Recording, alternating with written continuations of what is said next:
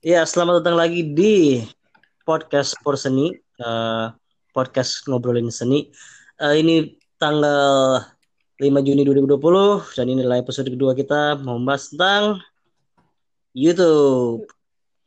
Nah, gua di gua Naru dan ditemani lagi dengan Yohan, Marita, Diko. Gue Diko ya sini halo. gue. lo terlalu bisa diko bisa tulus kayak Oke. terserah ya. Lintas. Oh, seru-seru dulu nama awal seru-seru dulu. Oh. Eh, lo gak mau ngucapin permintaan maaf dulu, Diko? Kenapa? Dengan kata-kata yang lu pakai kemarin. Gue lupa. Gue kemarin ngomong apa ya? Gue gak ada. Jujur gue gak denger suara gue sendiri karena jijik sama suara gue sendiri. Ya udah kita lupakan. Langsung Lupakan kita aja. ya. Kita lupakan. aja selama belum ada untuk kita kayak nggak usah Hmm. di jadi bahas lah daripada nanti malah ada. Oke, jadi hari ini kita bakal ngomongin tentang YouTube dan perkembangannya kayak YouTube berada dari tahun berapa sih? 2000 berapa? 2006, 2007 ya? 2007 ya itu. YouTube tuh 2005 kalau Oh, di 2005. kata Wiki. Sebelum Hmm. Google atau udah? Belum belum. Eh, Belum, Google belum. 2006 atau 2007 gitu. 2007 baru dibeli Google ya waktu itu ya. gue kuliah nih, setahu gue beritanya. Hmm, iya. Ya ketahuan dong angkatannya. Iya. Iya. jadi Basically juga kita ketemu YouTube waktu kita masih kuliah sih. Gue Iya. iya kan? Gue SMA. Tolong Nggak usah- Marita di kick dari grup ini. SMP deh Gak usah, kayaknya gue. Tapi ya pada dasarnya kan kita mulai dari tahun 2000-an ya, 2000 awal sampai Ya. sekarang udah hampir 13 tahun lebih YouTube dan perkembangannya menarik banget ya, terutama di Indonesia gitu. Kayak oke, secara secara secara general tuh kayak apa sih YouTube gitu kayak apakah dia video platform, apakah dia memang uh, alat untuk marketing atau dia apa karena kan sekarang kan usage-nya kayak luar biasa banyak kan. Handphone di silent dong lagi shoot lagi shoot podcast juga gimana? Profesional dong. Handphone lu kan, lu kan pasti itu lu. Bukan. Oke, lanjut, lanjut. udah, gue sana. Lanjut. Iya. Apa tadi? Gue sih Oh, ingat iya. banget. Gue sih ingat Ayo. banget YouTube itu waktu pas gue zaman-zaman gue kuliah ya, mulai-mulai ada. Cuma dulu itu YouTube gue pertama kalinya denger Russell Peter itu di YouTube sih. Jadi Oh, mungkin gue kenalan sama stand up comedy awal-awal tuh gue dari YouTube. Gue ngeliat dia, Hmm. terus gue ngeliat kayak George Lopez, terus gue ngeliat kayak siapa tuh si Fluffy, Gabriel Iglesias tuh kebanyakan di situ. Dan biasanya lebih kayak ke stand up stand up indie ya. Itu Mhm. sama awalnya tuh gue lebih kayak ke cover-cover musik sih kayak dulu tuh zamannya Samsui itu masih waktu masih Ya, awal-awal banget juga kan dia sama Ya, ya, ya, partnernya ya. dia suka bikin lagu summer yang apa sih yang dicampur-campur itu apa namanya? Campur sari. Bukan, bukan, bukan. kan. Eh, mash up, mash up gitu kan. Apa Mash up, sih? mash up. Mash up. Upload Iya, mash up, mash up, mash up gitu. Hmm. Awalnya di situ kan, sama lebih kayak lebih ke situ sih dulu ya gue nikmatin YouTube tuh bisa nonton film-film Indo. Film-film kan gue kuliah secara tidak legal. ada secara nggak legal. Jadi gue nonton film Indo itu kalau gue kangen pasti gue nyari di YouTube. Soalnya Hmm. pasti ada yang upload. Atau sinetron juga dulu ada yang upload tuh di YouTube tuh. Iya. Ayo. Kayak gitu. Iya. Dulu kayak lebih ke situ ya. Jadi kalau kangen ya udah nontonnya di YouTube. Sama sih gue juga, gue eh, gue menemukan YouTube, gue inget banget sekarang gue menemukan YouTube SMA kelas 2 deh kayaknya. Soalnya gue inget banget gue masih buka YouTube di komputer, lab komputer. Jadi pas lagi kelas lab komputer, terus temen gue pada nontonin Smosh waktu itu sama eh, Niga Oh. Higa di zaman itu, tapi sekarang kan namanya jadi Rain Higa kali ya. Niga Higa udah nggak politik politiknya korek lagi. gue inget gue paling sering nonton dua itu terus kita kayak suka ngebahas dan kayak ngulang-ngulang apa yang ter apa yang eh, apa skit yang lagi di iniin sama Ryan Higa saat itu. Ya sih, gue juga banyak nontonin komedi dan kalau gue mungkin komedinya lebih yang udah memang youtuber banget gitu. Gue pertama kali nonton karena emang oh ini cuma ada di YouTube nih gitu, nggak ada di tempat lain gitu eh, saat itu. Hmm. Kan zaman dulu awal-awalnya memang sebagai video hosting platform lah. Gimana lu mau ngupload video di situ kan waktu itu kita belum ada video kalau mau ngupload Iya. video nggak ada belum ada platformnya kan Hmm. Jadi lebih Iya. eh sorry video sharing kali ya apa namanya video sharing lah gue punya Video Video. sharing platform.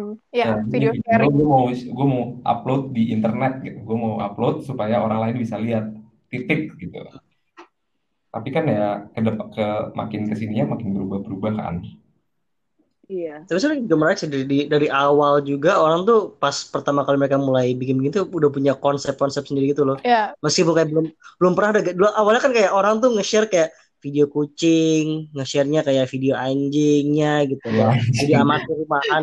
Iya. Yang jatuh sih paling gue sering nonton. ya Terus kayak banyak banget dulu kan anak di YouTube kan. Kayak awal-awalnya Iya. covernya tuh untuk itu kan untuk sampah gitu awalnya. Iya. Tapi kayak mulai muncul kayak kalau gue tuh nemu tuh dulu Vsauce kan yang awal-awal tuh.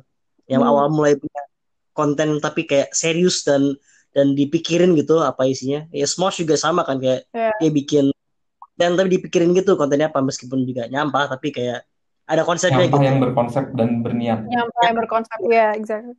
Udah cuma sekedar kayak oh ini file video gitu kayak terus kayak atau diulang-ulang kayak ya pokoknya kayak level sampah atau nian cap gitu gitulah kayak Iya. ngerti kan konsep Iya. apa Iya.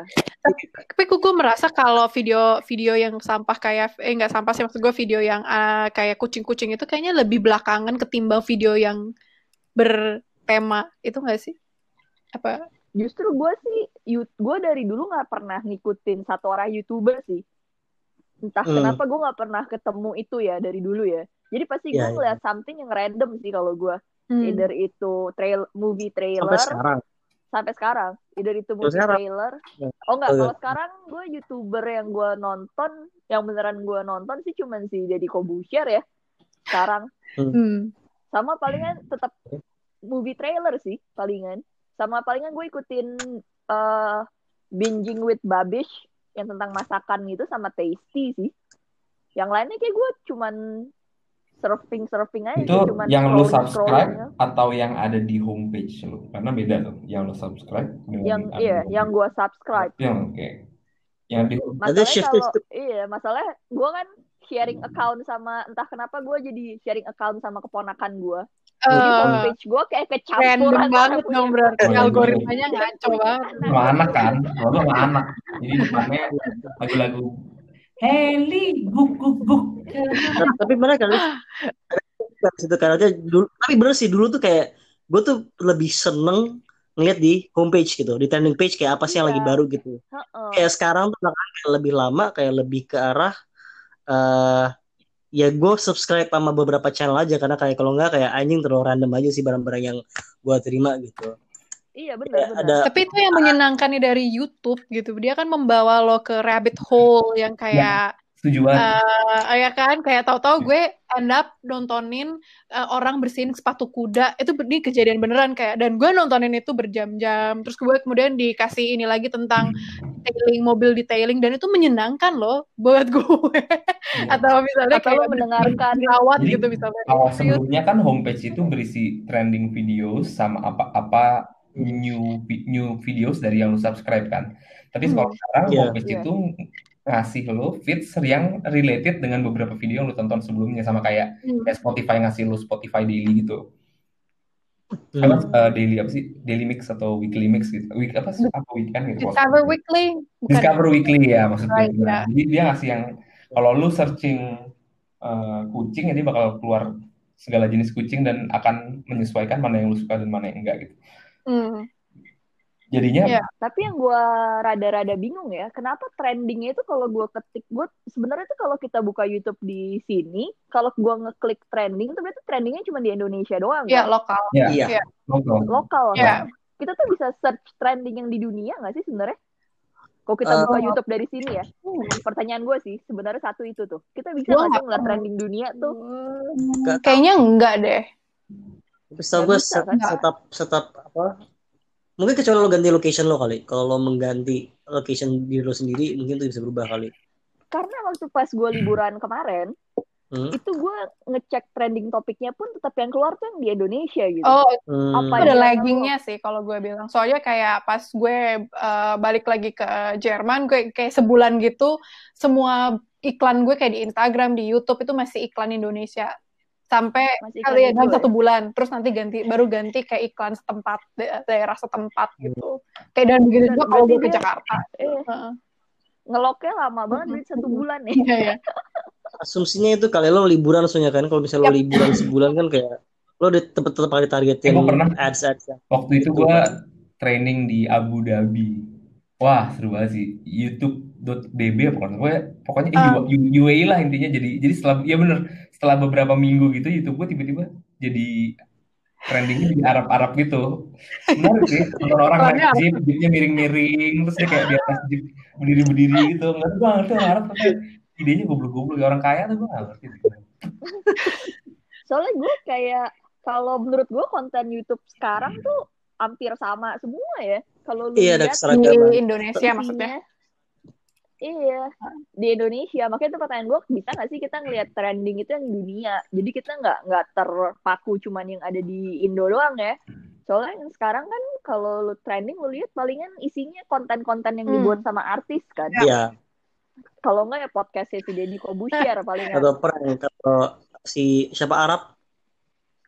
Si Reza Arab atau si Siapa? Iya. ya ada banyak lah. Iya. Kayak aha, aha. Iya. Atau Ah, ah. Winter.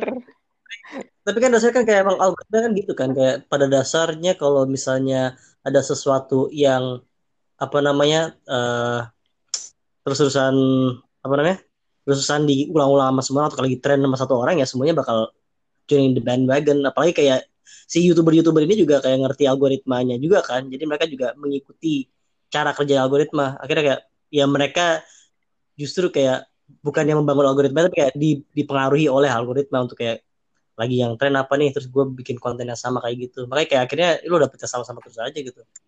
Lagi ngomongin bahas yang sama gitu. Hmm. KKI gitu kayak ya KKI aja semua yang keluar gitu. Menurut gue Iya. ini intentionally dibuat sama YouTube. Karena teh oh ya teh company atau dia media lah ya kita sebutnya perusahaan media teh kali ya emang duitnya dari traction kan berapa berapa orang yang mengakses kontennya sebanyak mungkin jadi ketika trennya ke situ bisa nambahin tractionnya untuk uh, similarities karena sama semua terus dia jadi ngeklik nextnya nextnya nextnya yang similar similar similar ya sebenarnya un- yang untung ya YouTube sendiri kan Hmm. yang tadinya gue kalau Iya. beraneka ragam Iya. gue gue bisa berhenti gitu tadi gue pertama ngeliat video tapal kuda dari tapal kuda Hmm. terus gue berubah jadi buntut kuda dari buntut kuda gue ngeliat Hmm. buntut macan dari buntut macan gue ngeliat macan dari macan gue ngeliat eh, celana jeans loreng-loreng kan itu kan gue geser geser geser kan Ya. akan ada titik di mana gue berhenti Ya. tapi Iya. ketika gue ngeliat prank A di bawahnya prank prank prank prank prank lagi gue lanjut terus gue ngeliat prank prank prank prank Hmm. terus jadi kayaknya Iya. sengaja supaya gue nggak berhenti berhenti ngeliat kan itu kan artinya kalau semakin banyak yang lihat adsnya makin banyak eh, yang iklan semakin senang company-nya juga yang untung betul Ya. Betul.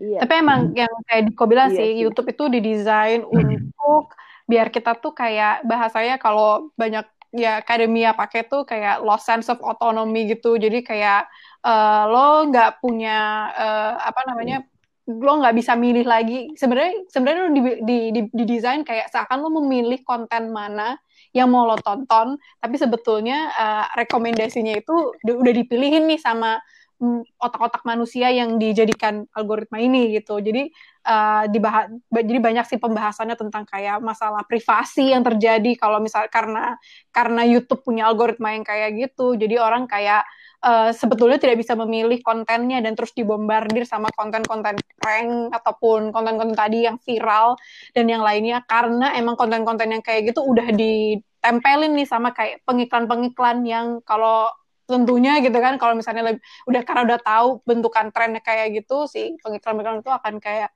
uh, taruh iklannya di konten-konten yang uh, serupa gitu. Jadi uh, sebenarnya uh, permasalahannya lebih- jauh lebih dalam dari sekedar kayak kenapa kita cuma dikasih konten prank tapi kayak penjelasannya tuh lebih serem. Aduh menurut gue. Ya itu gue setuju sih. Soalnya kalau gue sekarang tuh gue nonton YouTube lebih kayak ngelihat lebih ngelihat kayak late night show late night show gitu loh kan mereka sekarang kan udah mulai posting di dari kemarin dari lumayan berapa tahun terakhir kan mereka hampir discussionnya tuh di, di, di post di YouTube Iya. dan skit-skit mereka tuh juga di YouTube. Tapi entah kenapa setiap gue ngeliat homepage gue, rekomendasi untuk mereka tuh malah nggak sebanyak dengan rekomendasi kayak brownies lah atau kayak keluarga Raffi Ahmad lah kan mereka juga punya channel Mhm. YouTube tuh. Jadi menurut gue juga kayaknya mereka juga kayak merekomendasiin nggak based on yang gue tonton sih sekarang Eh, kayaknya emang emang atau mungkin iya nggak sih? Atau itu cuman gue doang ya? Eh, eh, again Kayaknya tergantung ya. itu ini sih ke ya kan eh gue gue selalu nyebutnya eh, secara teh bahasa teknisnya kan marketplace ya. Nemu- nemuin Iya. market dengan eh, supply dengan demand. Jadinya kalau kalau emang demandnya ke arah situ ya supply-nya akan provide kayak gitu. Terutama kalau yang misalnya contohnya yang re-air TV emang salah satu media untuk mempromosikan si TV-nya sendiri kan Hmm, kalau misalnya brownies tapi Iya. jalan-jalan apa atau my trip my apa atau apa itu kan Hmm. emang YouTube sebagai Iya. tidak ada bedanya dengan kalau kita nonton acara di TV di bawah kirinya ada ad sosial medianya, ad Facebooknya apa, ad Instagramnya apa, sama ad YouTube-nya apa. Jadi emang untuk mengkampanyekan. Jadi ya customernya si channel TV, atau sorry, eh, customernya si acara TV, acara TV juga mempromosikan acaranya. Tapi kan, maksudnya kan emang pada dasarnya kan ini kan YouTube ya kan nggak mau nggak mau terlalu eksklusif juga kan dia kan mau juga mengambil uh, market yang segede-gedenya juga kan pada akhirnya gitu karena iya gede iklan yang nggak kejual si iklannya juga bete kayak gue ngapain nge ngasih ngebit ngebit segini Hmm. gede duit buat iklan untuk untuk metro untuk pre-roll tapi kayak gue kagak dapet audiens yang gue mau gini gitu gue cuma dapet sekian views gitu itu juga conversion ke ke pembelian juga gue gak tahu berapa gitu kan tapi kan berdasarkan gitu kan yang yang dia dicari kan emang adalah uh, mass marketnya kan pada Iya. akhirnya gitu Ya, jadi awal-awalnya mungkin lebih Iya sih. variatif karena masih mau eh, masih grow kan, masih belum belum penetrating lah, masih market penetration, masih nyari siapa yang mau nonton itu tahun 2006 2007 ya. Paling mahasiswa doang. Terus start 2008 2009 2010 mulai eh, sampai sekarang jadi penikmat TV pindah ke YouTube juga karena bisa mencari apa yang dia mau yang tidak ditemukan di TV kan. Betul. Jadinya karena Hmm. itu terus ya udah sekarang Iya. semua market udah masuk ke sini bisa disegmenin oh yang ini yang suka ini yang suka ini jadi iklannya juga bisa lebih targeted itu sih yang menurut gua justru bagus tapi emang itu itu resiprokasi sih kayak resiprokal antara si si misalnya big business kayak sebenarnya trans sih kayak berhubung gue pernah bekerja di salah satu company-nya trans eh dia justru kayak menggunakan platform YouTube tuh untuk kayak meng- me-renew produk-produk lama mereka yang udah gak bisa mereka tayang lagi kayak mereka udah gak punya slot nih buat buat eh, naro apa ya waktu itu kayak ada beberapa ada beberapa show kok yang akhirnya dilempar ke YouTube semua Hmm. gitu. Jadi dumping groundnya tuh ekstravaganza ekstravaganza iya kalau salah satunya Hmm. kalau salah ya itu masuk ke kan nggak mungkin taruh di Iya. TV lagi kan gitu bener juga sih betul dia nggak bisa rerun kan dia rerun duitnya Iya. habis Waduh. Karena kayak gue gue dia produksi buat slot baru kayak nggak mungkin dia main barang lama Iya. kan. Jadi akhirnya taruh mana YouTube. YouTube juga seneng kenapa? Karena satu nilai nostalgianya yang audiens audiens lama dan audiens baru juga bisa lihat gitu. Kayak orang tahu bahwa ada extravaganza katanya keren banget dulu Taro Sidiro datang dari situ gitu misalnya. Jadi orang yang muda banyak kali ya data dari situ. Banyak banget. Ini salah satu doang. Iya, cuman kan kayak akhirnya yang muda pun balik ke ke channel itu atau nonton itu lagi karena penasaran akan kayak oh ini ini origin story-nya si Toro Sudiro misalnya. Yang tua pun juga kita menonton lagi eh, dengan nilai nostalgianya itu gitu. Jadi iya. lo dapat jadi si si advertiser pun juga happy karena kayak gue dapat dapat dua generasi nih akhirnya gitu. Hmm. jadi kayak ya itu itu bakal bisa bisa bisa makin dimainin aja gitu. Jadi kayak dan akhirnya ya gitu kayak barang-barang kayak gituan ya bakal jadi tren lagi terus nanti kayak semua eh, TV-TV lain juga akan mengikuti itu kok udah mulai deh malah setahu gue tren-tren itu ya ya, ya. terus ya udah sekarang gitu. yang gue lagi lihat si Kompas TV TV yang- nge-rerun semua stand up komedi dari season 1 sampai season 2 tuh di, YouTube. posting, posting lagi di YouTube karena orang nyari gitu kan Ya, jadi jadi sebenarnya kayak kalau kalau pada akhirnya kalau ngomongin tentang ini ya ini kan masalah masalah monetization sama iklan kan. Jadi kayak lu sama gua nggak penting. Yang penting siapa hubungan antara si YouTube sama si si big business ini sebenarnya akhirnya Hmm. gitu. Mereka yang kayak dorong atau ngedrive. Terus sebenarnya channel TV yang paling sangat meng apa ngambil kesempatan di YouTube itu Sinat sih menurut gue. Soalnya dia kayak hampir semua acaranya acaranya dia yang hits tuh akan masuk ke YouTube kan. Kayak Hmm. eh, tetangga masa gitu itu kayak lengkap deh seasonnya kayak semua di YouTube. Ya. Terus kayak acaranya si Cah Lontong tuh yang WIB, Hmm. terus yang kayak Pristawa itu itu masuk ke YouTube menurut saya gue sih malah lebih bagus ya karena mungkin itu kan marketnya juga lumayan niche tuh Iya.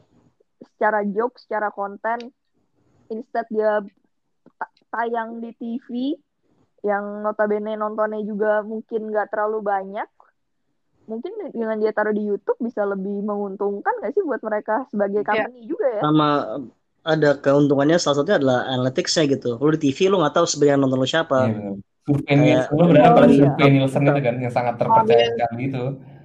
Yang sudah pasti, Iya, itu itu menarik. sudah pasti terpercaya. Ini ini ada out of topic sih, tapi kayak kalau ngomongin Nielsen itu jadi ternyata kan eh, kenyataannya adalah mereka kan harusnya pakai kalau di di Nielsen kan ada alatnya nih TV, terus ada Ya. remote-nya kan. Nah, setiap kali lo eh, nonton sebagai misalnya gue si anak, gue akan klik channel anak, terus kayak gue nonton. Jadi kayak gue di Ya. track gitu, gue nonton Ya. apa aja gitu. Yang menariknya adalah kayak kalau salah kemarin cerita itu tahun 2000 Gua tahu nih berapa ya? ceritanya. 2005. Iya, tahu cerita nih kan 2005 dan tuh eh orang tuh udah lebih jarang nonton TV kan, lebih banyak nonton TV Iya. kabel kan. Jadi TV kabel itu yang nonton siapa? Iya, gue Pembantunya. tahu diceritain ini. iya Hmm. jadi yang ketrack Benar. Jadi pembantunya sebenarnya dia lagi Tulus salah. Sendiko. Seolah-olah Tulus Sendiko Ya, suka, tapi- wah ternyata manusia tampan. Makanya YKS jadi iklan di YKS waktu itu. Itu salah satu alasannya tuh. Lo tau cerita itu? Iya. nggak tahu gue apa ya kak Bu, Jadi, yuk kita eh, taur. Bukan ya? Ini yang gue Cesar, Iya, iya, YKS iya, yang gue iya. Cesar. Bener ya? Ya? Oke. Oh gue nggak tahu Iya, Udah lama, Pak. 2012-an. udah Dulu lama. Tapi kita sahur. Kira-kira tuh waktu buka lah. Kira-kira jam 6 sore. Enggak, maksud gue tahun berapa? Maksud gue jam berapa? sayang? 2013 14-an lah. Ya, ya, ya. Oh, gue nggak, gue Dan di YKS itu sempat ada ada ceng-cengan gila gitu di mana kayak BMW tiba-tiba ngambil slot di di prime time-nya untuk di tempat YKS. Orang pada kayak what the fuck kayak siapa orang yang nonton YKS Oh, yang iya. beli Oh, BMW? Ya, data Nielsen itu benar. Asumsinya yang nonton bapak gitu. hmm. Nah, yang yang di record itu akun bapaknya. Iya. Yang Oh, kayak gitu. mbaknya. Karena kalau mbaknya yang nonton dia kan nggak peduli siapa yang dia pencet. Mercy. Yang penting dia nonton. Ya, ya udah, akhirnya kayak itu rada gagal Iya. mulai Eh, gue punya pertanyaan deh. Gue punya pertanyaan. Kalau di YouTube itu Apa? sebenarnya Oke, balik enggak ke sih. Sebenarnya karena kita lagi ngomongin soal perpindahan antara TV dan YouTube. Kalau zaman dulu MTV keluar kayak video kill the radio star, do you think that YouTuber kill the TV star now? I think the TV star kill the YouTuber star now. Kalau sekarang balik. Iya. Tapi dibuat gara-gara bagaimana YouTube creator YouTube Iya, itu juga masih dibuat hidup? gara-gara Hmm. bagaimana YouTube monetize kan. Nah, tapi tapi enggak dan jadinya kayak kan akhirnya kan kayak demonetization sebenarnya Yes. mungkin mereka berubah. Ya itu kan kan kayak tadi gue bilang kayak yang yang yang YouTube peduli itu bukan lu sama Ya. gua gitu. Yang YouTube peduli big business kan. Makanya Kan kayak company. kenapa konten creator makin lama makin menipis karena kayak pengen bikin konten yang fully original yang bisa Iya, tapi basically purpose-nya YouTube di awal itu jadi hilang sih Iya. gua. yang cover cover yang yang parodi Iya, karena sekarang tuh kayak banyak banget konten-konten yang sebenarnya bagus, nggak lama tuh kayak di take down gara-gara copyright. Eh, Terus kayak kalau nggak ban is not available in your country itu juga banyak Oh, iya, banget kan yang kayak banget gitu. seafood kayak Itu itu bisa. itu menurut gua rada-rada annoying loh kalau kayak if you put something on the internet then everybody should be able to see it. Setuju Karena lu taruh Gua itu nggak- di internet. Oke, Nggak, kenapa tuh? Kenapa Enggak. tuh? Kalau lu kalau kalau kalau lu naruhnya itu di Netflix yang orang harus bayar, it's okay. Cuman lu naruh ini di platform yang free and everybody Yang lu taruh apa masalahnya? Ngerti? Yang lu taruh apa? Enggak. Kalau yang upload itu adalah channel yang official, kayak misalnya Hmm. Saturday Night Live, Oke, coba kita satu deh. naruh? Kita ngebahas yang tadi bilang yang cover-cover lagu kan. Hmm. Ya, cover-cover lagu. Iya. Cover-cover lagu itu kan ada, gua nggak tahu ya. Harusnya di setiap negara itu ada tak cara penarikan penarikan hakinya sendiri. Ya. Bahkan Ya. gua nge-cover lagunya naif di kafe itu harusnya kafenya nyetor ke haki atau ada ada lembaga Ya. kolektifnya mungkin anda dulu lebih tahu lah. Jadi Ya. eh, haki itu ha- harus ditegakkan pada dasarnya kan. Awal-awalnya itu nggak ditegakkan karena platformnya belum belum termonetisasi. Sekarang sudah dimonetize, mereka juga harus lebih strict terhadap konten-kontennya. Jadi menurut ya gue mungkin sedih dengan beberapa konten yang hilang, tapi bisa menerima karena that's the rules gitu. Ya memang secara Cuman kadang-kadang ke level yang ini sih kok udah emang udah ke level yang kayak ada keterlaluan kayak potongan lagu 30 detik doang itu kayak copyright terus kayak lo dimonetize untuk lo bikin fil- eh, video sejam nih, video sejam lo cuma masukin kayak 30 detik satu konten yang yang eh, copyright infringement the whole video Nah, take down. ini gue juga ini karena ini sih, ini keterbatasan cara penegakan peraturan. Karena gue bekerja di salah Ya. satu perusahaan eh, on demand transportation yang ya, kasusnya mirip, ya. yang kasusnya banyak yang mirip, itu adalah salah satu penegakan peraturan.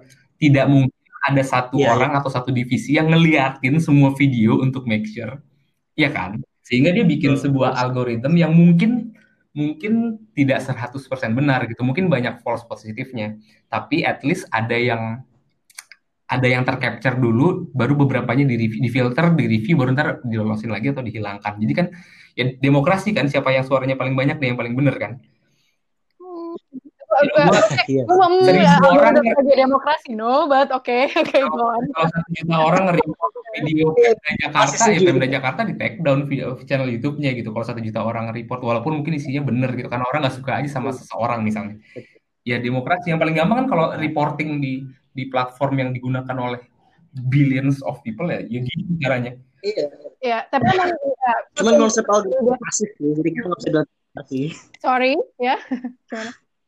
Eh ya, tapi Gimana, social gimana? media company memang selalu akan kejar-kejaran. Gimana ya? Kayak nggak ada yang bisa memprediksi apa yang terjadi di tahun 2005 pertama kali YouTube itu muncul gitu. Nggak yang bisa Hmm, iya. memprediksi bahwa kayak oh Iya. eh, kita dengan fun-fun aja eh, main gitar terus sama teman-teman. It's just for fun. Dan nggak ada yang sama sekali menganggap bahwa kayak apa pun yang gue lakuin secara hobi dan fun bisa satu menghasilkan duit dan banyak banget hasil duitnya. Dan yang Ya. kedua ternyata kayak orang yang punya copyright atau awalnya nggak kepikiran punya copyright itu langsung kayak actually there's a lot of money and that money doesn't even goes to me gitu.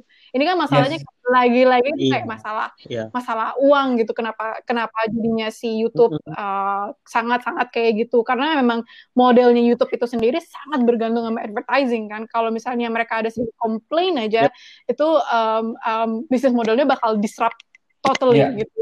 Itu kenapa uh, tahun 2000 Iya. berapa ya? 2015, 2016 pokoknya yang tiba-tiba YouTube bikin policy baru tentang Ya, ya, ya.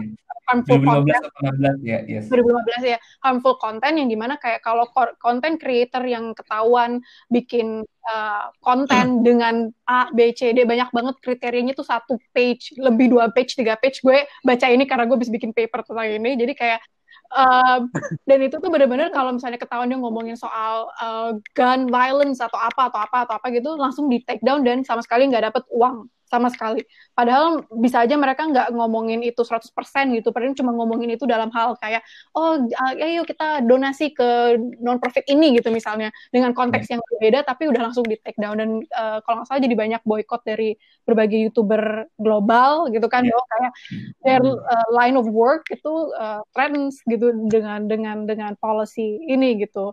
Dan, Dan ya dan waktu itu kan dia ini kan eh, mungkin the biggest atau the only uh, video platform gitu.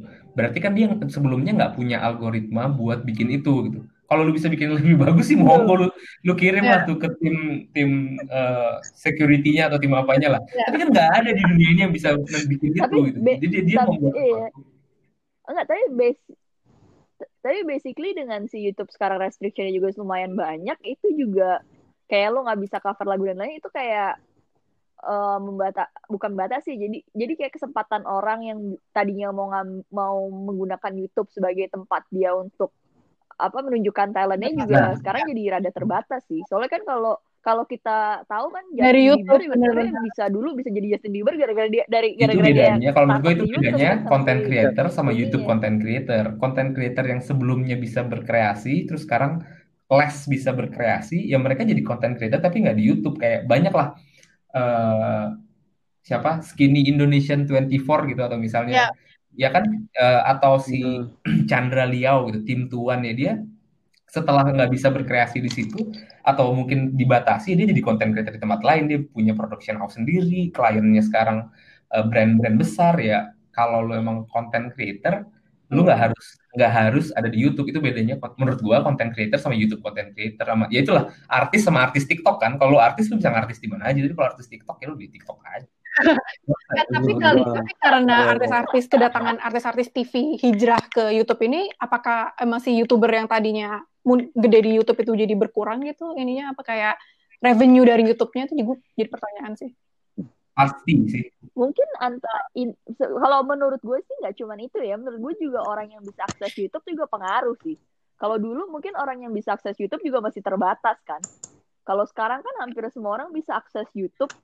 Dan ah, mungkin emang secara mass itu konten yang ditawarin sama artis-artis yang main ke YouTube itu yang lebih orang lebih suka karena banyak drama banyak kayak apa sih Ah, iya. lebay gitu kan tentang Kalau- kayak kalau di mereka Rut- dan lain kalau mungkin di akan sih sebenarnya terhibur. mundur lagi balik ke monetization-nya lagi gimana caranya YouTube mengeluarkan uang ya company mengeluarkan uang untuk meningkatkan untuk growth company-nya kan sebelumnya dia harus bayar mahal untuk content creator yang bisa mendatangkan 10.000 ribu 20.000 ribu sekarang ada artis yang punya masa dari TV ratusan ribu dan jutaan ya dia tinggal ya dia mendingan bayar sedikit lebih mahal untuk artis dengan sebagai company gitu dong gue bayar slightly lebih mahal untuk mendapatkan 10x atau 100x eh, traffic ya ya gue Dan support aja. ya, dan bisa dibilang bayarnya lebih murah sih karena kan lo langsung dealing dengan artis ya lo nggak perlu dealing dengan agency dan kalau misalnya di TV lo harus dealing dengan TV station Iya iya ya itu gitu itu kan. makanya eh, kalau scalability iya, lah itu kan itu scalability juga kan? Kalau gue bayar 100 ribu untuk Iya. 10 sekarang gue bayar Iya. 200 ribu untuk 1000 gitu. Ya lebih scalable Hmm. lebih untung. Iya. Tapi sebenarnya kan, itu kan lo ngomong konten kreator yang kayak eh, konten kan. Tapi kan sebenarnya kalau misalnya lo lihat YouTube sekarang nih jadi ada ada ada ada dua kubu sih jatuhnya sih. Mungkin dari tahun 2010 kali. Tapi kubu satu adalah konten kreator yang bikin cerita yang kayak gengnya si Skin Indonesia gitu yang ya nyapa nyapa, nyapa Hmm. konsep gitu sama ada juga kan yang kayak review sama ada juga yang kayak niche kayak misalnya kalau sekarang nih lo bisa tiga lah kita ambil gitu kita punya si KKI gitu yang kayak rada nggak jelas atau dia Ricis lah gitu ada Hmm. Naha gitu yang nggak jelas terus lo punya gadget yang review Hmm. banget yang populer sekali sama lo punya kayak majelis lucu gitu yang niche banget gitu ya ini Hmm. tiga contoh lah sebenarnya jadi kayak ya sebenarnya tapi yang dua ini kan nggak kemakan kan sebenarnya kayak kita ngomongin si gadget team kita Hmm. ngomongin majelis lucu dia sebenarnya kan nggak kemakan Nah. sebagai content creator gitu. Gadget gadget tim sih nggak cuman majelis lucu secara konten gue yakin mereka mensensor diri mereka sendiri sih. Kalau nggak mereka akan banyak kena kasus nggak sih? Nah, contohnya kan beberapa kali iya, kan mereka kena itu juga. kan nggak nggak dampak dengan kayak misalnya dimakan oleh Nggak, content creator yang baru kan. Ya, mereka nggak nggak. berkasus Oke, soalnya kalau ini. Ini gue tahu menarik sebenarnya jadi gini dia. ka- nggak mereka nggak kalah nggak kalah viewers ataupun eh mereka bukan kehilangan market ya kan tapi karena support Ya, uang ya. support man- money-nya jadi bergeser mereka jadi tidak begitu untung dengan berkarya seperti itu ya, ya. terutama budgetnya gede loh karena kan ternyata ada, ada budgetnya nih ada ongkos produksinya ongkos produksinya mungkin tetap tapi Iya. income-nya kecil ya udah lama-lama kualitasnya pasti turun atau mereka kabur ke platform lain atau ke platform offline sekarang bikin Hmm. video buat Sony bikin video buat GoPro bikin video buat Ya, Hmm. gue inget banget Hmm. Atta Halilintar pas ditanya Basically, kayak kenapa iya. lo bisa dapet 20-an juta itu karena eh, jawabannya dia emang jawabannya nggak nggak nggak gimana-gimana juga sih intinya kayak rilis video setiap hari. Ya kalau lo rilis video setiap hari, ya lo nggak butuh ide yang kayak Skin Indonesian 24 gitu atau waktu pas malam minggu punya Raditya Dika gitu ya. Kayak lo butuh seminggu gitu untuk kayak mikirin idenya mau kayak gimana post production dan sebagainya. Udah nggak ada deh kayak gitu. Kayak pokoknya bikin video setiap hari dan dia bisa dapat 20 sekian juta. Semua orang gitu. semua perusahaan digital kan kayak gitu kan. Awal-awal akan lu ngasih duit jor-joran untuk pakai aplikasi uang digital wallet akan banyak diskon-diskon. Sekarang makin lama makin berkurang-berkurang setelah usernya banyak. Sama kan ini juga. Juga gitu ketika yang datang banyak banget ya company nyetop duitnya pelan-pelan buat dibakar. Dan sebenarnya Iya, juga udah ada penelitian sih Iya sih, kalau uh, company besar, company uh, akan lebih prefer naruh duitnya dia di uh, content creator yang udah lebih established dalam artian, uh, tapi ini di Amerika ya, jadi gue baca uh, mereka akan lebih naruh ke misalnya NBC atau Jimmy Fallon atau Vivo yang udah pasti uh, apa namanya kontennya itu nggak bermasalah quote unquote atau menimbulkan masalah. Jadi misalnya kayak daripada gue naruh di majelis uh, lucu gitu kayak udah pasti mereka ngomongnya bakal aneh-aneh terus nanti brand gue terasosiasi sama brandnya mereka gitu gue mendingan naruhnya yang udah pasti aja kayak Atta Halilintar yang gue tahu dia safe gitu. Jadi um, terlihat sih tapi kalau tapi maksud gue gue sih gue sih nggak tahu ya. Ka- uh, tapi kalau setahu gue kalau di US kayaknya juga pemain nggak kayaknya mereka juga kayak uh, TV star-nya juga enggak nggak makanya gitu. mereka setahu yang ya, Jimmy Fallon mereka Jimmy lebih tim iya. Paul Iya, atau yang mereka maksudnya maksudnya trennya tre- trennya tuh emang emang beda sih kalau menurut gua. Kalau di luar tuh mereka eh, yang taruh di YouTube itu either mereka bikin kayak review atau mereka bikin something kayak BuzzFeed atau mereka kayak late night show dan skit-skitnya itu ditaruh di Iya. YouTube. Tapi mereka tuh nggak bikin kayak kayak vlog vlog vlog gitu sih. Tau gue ya. Tapi kalau di Indo kan di sini kan emang Kalau kontennya sekarang kebanyakan vlog kan tentang family lah. kalau itu jawabannya Lebih sebenarnya kan ini, ini ini berhubungan dengan dengan eh, proses broadcasting di Indonesia sebenarnya kayak kalau di Indonesia kita punya terrestrial TV sama kita punya cable TV cable TV terlalu banyak yang punya banyak yang punya kelas menengah ke atas gitu yang audiensnya sedikit jadi orang nggak mau invest juga untuk kayak bikin channel baru. Kayak gak ada segila net lah intinya. Gak ada segila isu, Hmm. isu utama Iya. intinya yang mau bikin baru gitu kan. Jadi kayak mereka bersaing di channel-channel yang terbatas. Nggak ada channel baru yang mau bikin karena terlalu mahal ongkosnya untuk untuk uh, bribe orang semua orang segitu banyak. Jadi akhirnya kayak lu cuma punya pilihan itu doang gitu. Tapi lu bayangin kalau di Amerika gitu lu punya cable TV yang memang udah widely known apa widely consumed gitu. Lu ada BET lu ada ada ada apa uh, channel kayak CBS lu ada kayak ABC ada begitu banyak channel dan dan muncul channel baru yang bisa kayak Kardashian dan segala macam kayak I misalnya gitu kayak semua punya segmen pasar sendiri di Indonesia tidak bisa Iya, kayak iya. gitu barrier Jadi kayak- entry-nya ya terlalu of course tinggi. gitu Hmm. Iya. Jadi kalau di sini kayak karena karena persaingannya terlalu ketat di di di ya kayak tadi gue bilang kan kenapa Trans harus buang Ersa Gavansa ke YouTube karena nggak dia nggak punya space buat buat naruh kalau misalnya kalau lo bayangin kalau misalnya ini ada di Amerika dia akan bikin sebuah eh, channel baru yang isinya adalah eh, video-video lama. Konten-konten lama. Itu terjadi sama eh, Star TV waktu itu. Star TV bikin Star TV 2 akhirnya gara-gara ada banyak sindikasi-sindikasi yang lama yang kayak nggak bisa ditaruh di Star akhirnya dibuangnya ke Star TV 2 konsepnya gitu sih. Jadi, jadi- karena di sana mereka gampang banget bikin kayak gituan. Di sini kayak shit man kayak nggak persaingannya udah gak sehat gitu kalau untuk ngomong TV which is why YouTube adalah Iya sih. Oke fine, gue gue harus gue sama apa meng- me- membenarkan Niko sih kayak iya itu jadi demokratis tuh karena ya, Iya. karena itu gitu. Karena everyone has a chance untuk memasukkan sebuah konten. Hmm. Itu sih. Amit. sekarang mungkin kita kasihan sama content creator yang sebelum-sebelumnya tapi ya gue yakin eh bukan gue yakin ya beberapa dari mereka ya udah udah pindah platform aja atau punya penghasilan lain dibandingkan sekarang gitu. Atau, Ya. atau kerja jadi sebenarnya- Ya, tapi sebenarnya kita kan sekarang ngomongin kayak youtuber yang punya konsep ya. Say misalnya uh, uh, kayak Atta Halilintar atau Ricis Nyampah, mereka ada semacam konsep. Iya. Lo tau gak kalau temen Iya. gue, bukan temen gue sih, abangnya temen gue, bikin YouTube channel isinya cuman ondel-ondel di CFD. Dan Hmm. dia dapat 30 juta per bulan dari revenue dari YouTube. Maksudnya gimana dia Exactly. cuma ngefilmin ondel-ondel. Filmin ondel-ondel 15 menit. Mungkin- Yang mungkin bisa bisa gue lupa, channelnya apa? sorry gue lupa banget nama channelnya apa. Tapi kayak lo bisa cari ondel-ondel di CFD pasti banyak banget deh itu video-videonya. Dan itu eh, yang nonton adalah anak-anak yang nonton di warnet, nonton berkali-kali diputer, puter, puter, puter, makanya dia revenue bisa sebanyak itu. Ya, kasihan banget. Udah di Kita bikin YouTube di kolam. KTN goblok Ini kayak itu.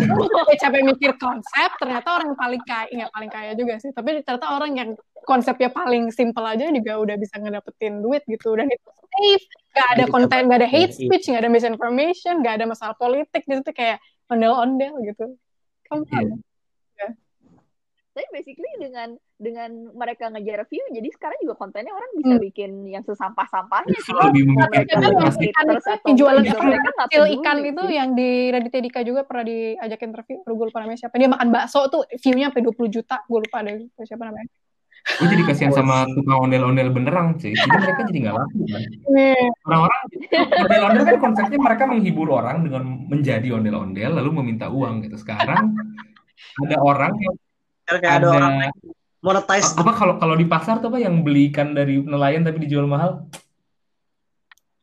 Ada tengkulak. tengkulak, Eh, ada iya, tengkulak eh. ondel-ondel online yang mendapatkan penghasilan tanpa memberikan sedikit pun hasil. Gue yakin dong si abangnya temen lu itu nggak bakal balik ke gue nggak tahu sih, itu tahu bridgement tuh harus harusnya dia cuma lima ribu copyright Iya. protection gagal. Kayak gitu Gagal?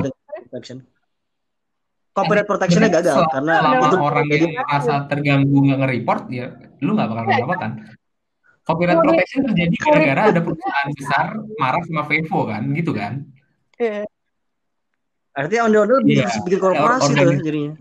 Korporasi Asosiasi. ondel-ondel Orindo. Indonesia. ya ya atau lu buka deh YouTube Kids itu kayak oh tuh luar biasa banget kayak isinya memang orang menurut gua sih kalau lu mau bikin channel sih sekarang kids sih menurut gua yang Ya. nggak masuk akal gitu. Marketnya. Iya, tapi kan Kita bikin ini ya, review-review mainan. Apa pun Iya, gue soalnya terakhir ya itu karena gue Iya. punya anak terus anak gue mulai nonton video sudah mulai berteriak-teriak papa papa nyanyi nyanyi gitu. Dan dan, dan channelnya karena gue tahu sepertinya tidak menghasilkan sebanyak itu juga di YouTube dia kayak memposting jadi ya intinya kan standar ya lagu anak-anak dibikin animasinya jadi kartun anak kecil seneng nonton terus dari Hmm. situ dia ada Hmm. Spotify-nya dari Spotify-nya tokoh-tokoh itu dibikin bonekanya dijual offline di marketplace marketplace Hmm. terus kayak wow. Wow. ya basically itu jadi kayak jadi baby ya mereka jadi brand aja baby shark kan Wow, menarik banget. Menarik banget. Itu itu dia orang-orang individu, bukan orang bukan kamu. Surabaya sih kalau yang gue tahu gue pengen nyebut nama ras sih. gue pengen nyebut nama ras terus Surabaya gitu soalnya model-modelnya dari sebuah ras yang sama terus ini ini take down sih kayak ya udahlah. pas gue lihat Tapi nggak tahu tapi kan kalau gitu kalau misalnya emang emang ya kalau nggak kalau, kalau misalnya emang kids adalah eh, target market yang kayak sangat-sangat monetizing, kenapa di trending kita tersusun di disikat sama si Deddy Kobusier, Raffi Ahmad dan Ya. Nagita, Lo Aha, harus nyari- Ricis, harus kenapa video kenapa mereka jarang. Mungkin kids nggak masuk ke trending. trending kali. Nggak tahu juga ya. Mungkin karena Hmm, kita nggak nggak juga channel kids kali.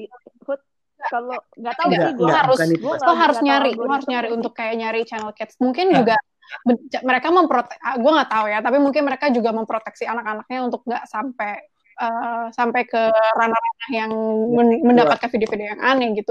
Itu sebenarnya ada dedicated channelnya sendiri YouTube Kids. Bukan channel malah app sendiri YouTube Kids yang download tapi downloadnya lebih Iya, daripada trending itu constraint-nya waktu kan?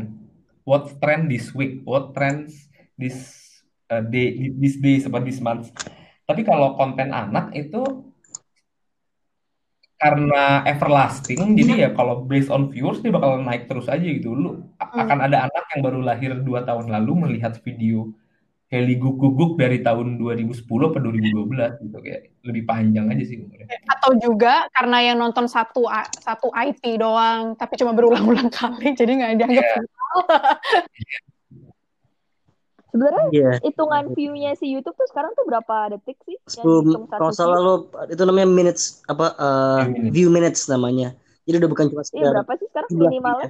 Oh udah satu menitan gitu ya? kayak view minutes jadinya kayak itu itu yang bikin mereka dulu marah sih jadi kayak udah bukan cuman berapa banyak orang yang nonton tapi berapa banyak yang orang orang nonton dalam kayak kalau salah dua sampai tiga menit kalau salah kayak itu Itu baru dihitung satu. ya berhitung kayak Sama yang dulu gue inget gitu. zaman video harus di atas berapa menit terus si PewDiePie PewDiePie bikin video yang oke karena video gue udah selesai tapi belum sampai ini gue akan ngasih blank screen lu harus lu semua harus nonton blank screen gue sampai habis terus bener ngasih blank screen sampai habis gitu supaya memenuhi ketentuan YouTube kayak ah, anjir nih Iya. Tapi PewDiePie juga udah gak bikin konten. masih ya, tapi kan? tidak masuk tadi dia udah nggak home screen lo karena lu nonton yang lain gue juga gitu ke mana ya PewDiePie ya karena gue nonton yang lain bahkan yang di yang gue subs yang di home screen gue udah nggak ada yang gue subscribe lagi sekarang gue nggak tahu kenapa itu dia gue juga kayak gitu itu yang bikin gue bingung kayak ini tuh kenapa Hmm. yang keluar di home screen gue kayak gini Jadi yang ya tadi Marita bilang itu sengaja supaya masuk lu ke rabbit hole yang ya lu nonton prank A, habis itu prank B, prank C, prank D sampai bawah terus prank aja. Ya udah lu tonton terus deh. Atau mas-mas warnet itu tonton terus deh. Atau tukang parkir itu tonton terus deh. Iya, iya, iya. iya itu dia sih yang jadi rada-rada Nyebelin ya sebenarnya. iya Nah, sebenarnya back to demokrasi yang sebel kan segelintir orang kan. Dia Betul. adalah orang-orang yang berkontribusi untuk membuat itu jadi tren. Mereka senang-senang aja.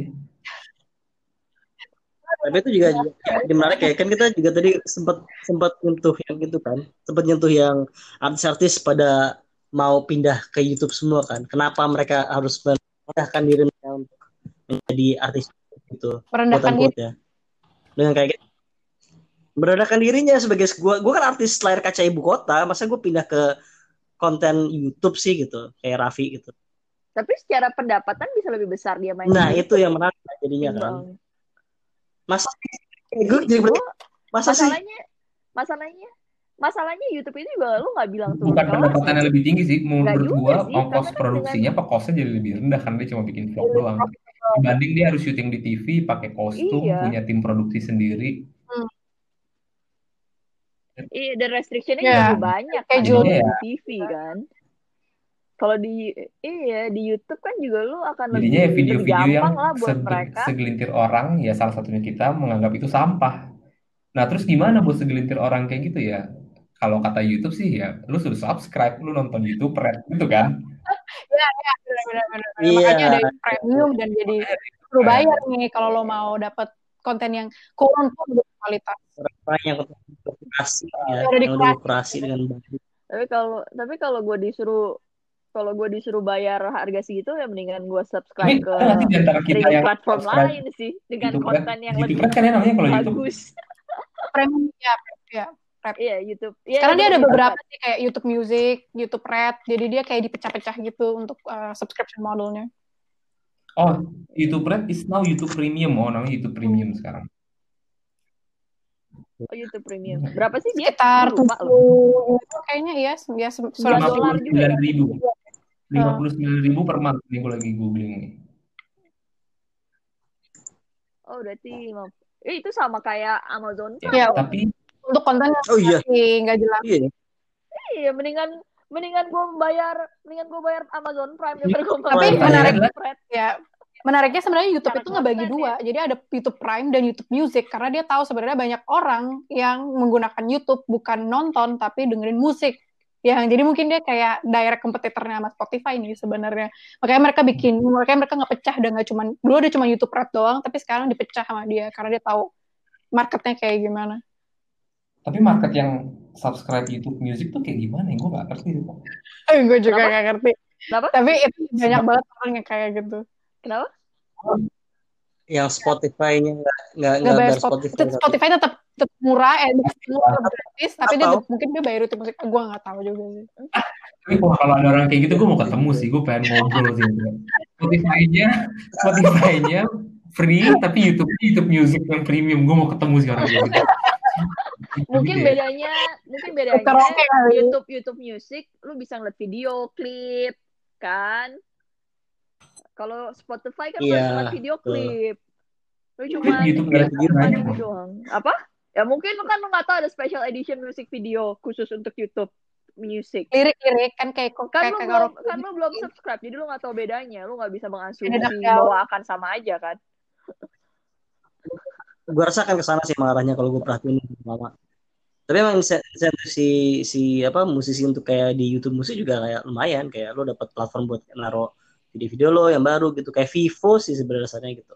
Tapi kayak di, di playlist Tapi kalau gue jadi nggak tahu sih gue bukan musisi ya. Cuma kalau gue jadi musisi kayak gue lebih prefer video gue taruh di YouTube secara bebas ya sih? Karena secara viewer akan lebih banyak yang nonton ketimbang lu taruh di YouTube Music. Gue nggak tahu sih gue nggak subscribe YouTube Music juga sih Emang ada musik yang hanya bisa kita dengar di kayaknya Kayaknya nggak ada deh. iya, iya. Enggak, gue juga nggak tahu bentukannya kayak gimana sih. Enggak. Basically kan sekarang kalau kayak kalau kalau misalnya stream movie streaming tuh emang mereka mereka punya original seriesnya masing-masing kan. Cuman kalau menurut gue kalau kayak Spotify, kayak Apple Music atau kayak YouTube Music, basically artisnya kayaknya hampir sama semua nggak sih? Karena nggak ada eksklusif di salah satu uh, music streaming platform kan?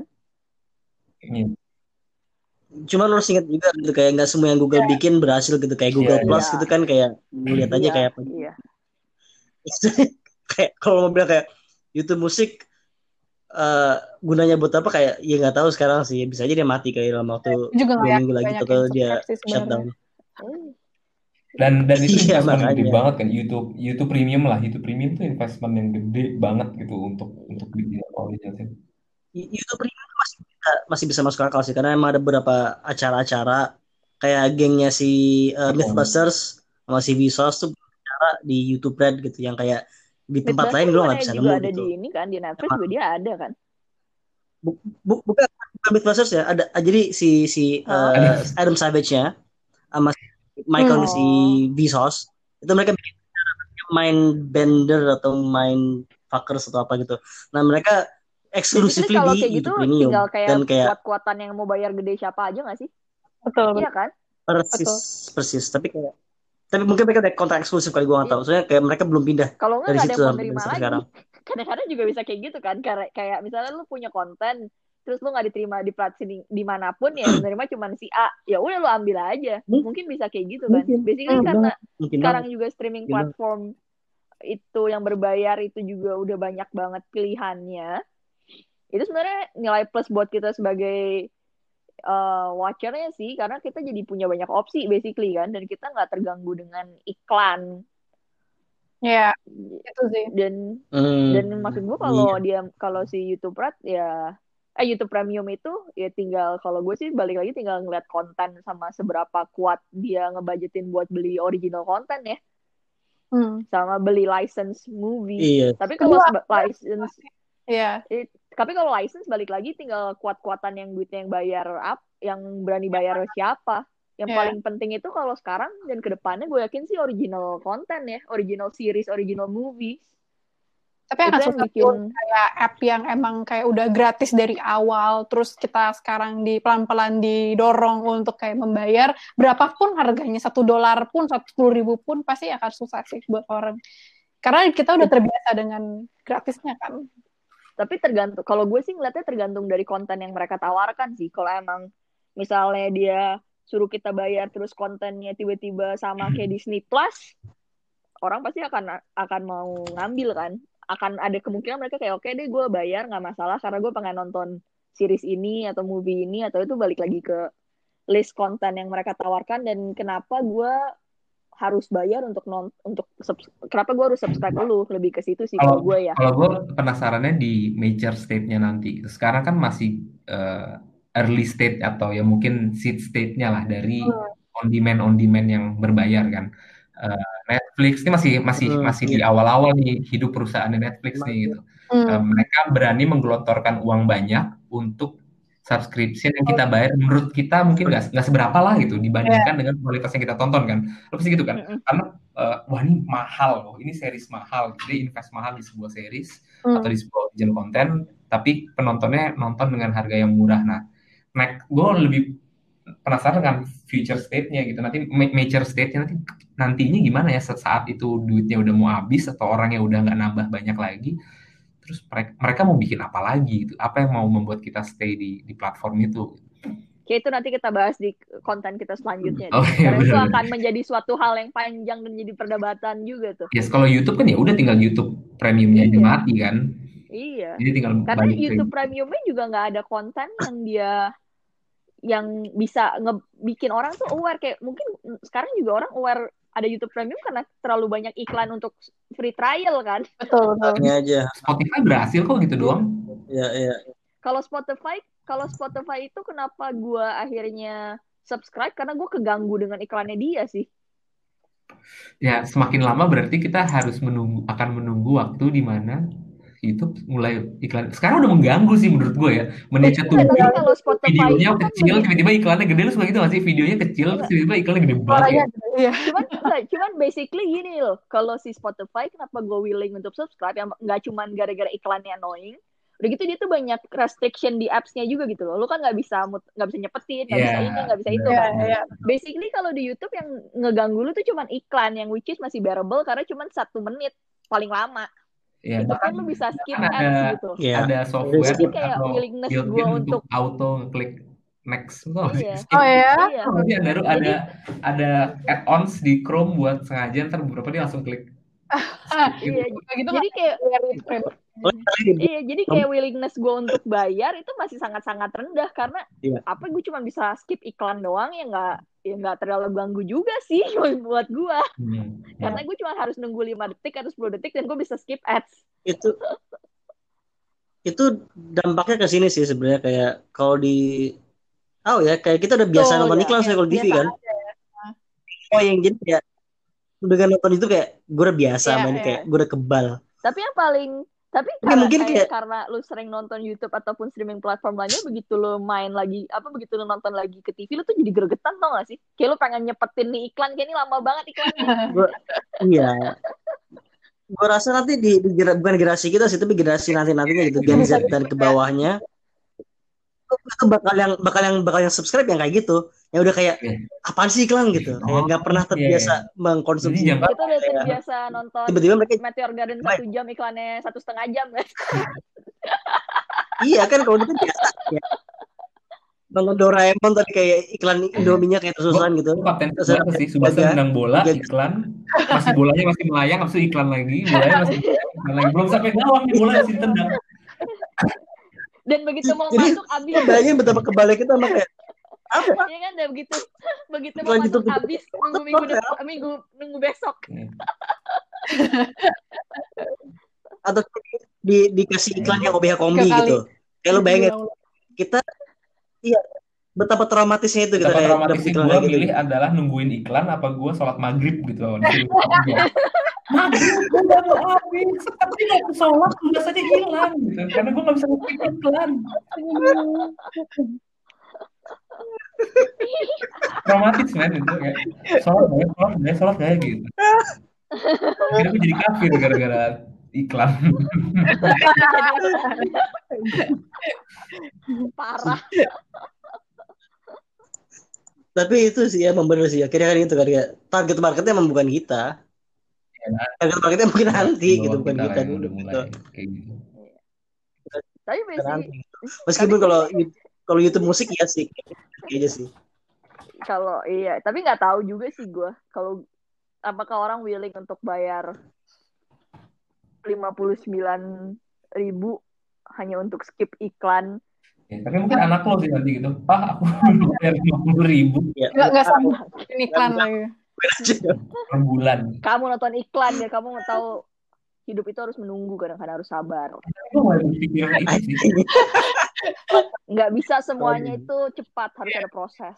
Tapi enggak sih, gue mulai berpikir buat YouTube subscription based premium karena anak gue mulai nyanyiin iklan sosis ketika dia mandi sama pembantu gue. Kayak anjing, kenapa anak gue nyanyi lagu iklan sosis? Sosis. Apa suka lagu iklan sosis? Gitu. Oh iya, gue jadi mikir nih, jadi gue YouTube ini. orang pada ntar orang ap- apal iklan Perindo sih abis itu kalau Mars, mohon maaf itu Mars ya. Itu bukan itu Mars. Iya, Bener tuh kata Diko tuh. Halo, kali udah sekian untuk episode kali ini. Sampai jumpa di Minggu depan kan? Minggu depan Iya, ya? Tiap Senin ya. Tiap Senin kita selalu ada portion nih. Jangan lupa. Ini bisa didengarkan di platform Li? ya. Proses bisa dengarkan di Anchor FM, Anchor. bisa dengarkan di Spotify. Eh, kemungkinan ke depannya ada di Google Iya. Podcast dan Ada Juga ada di YouTube. Music. sekarang Google Google ikut ikutan podcast gak paham lagi kayak semuanya aja dia dia buat kayak Eh, eh, Anchor ini Ya emang gampang banget ya makanya ya apps-nya ya. Anchor ini bagus banget ya buat bikin buat bikin podcast. Oh, belum Belum Oh, kira udah belum. Oke, oke. Ya, Belum, kita kan kasih ntar, teaser, teaser dimonetize. dulu bahwa kita sangat memuja-muja Anchor gitu ya. Wow, Iya. sangat sederhana loh. Bahkan Sampai ketemu minggu depan. Bye bye. Bye bye. Dah.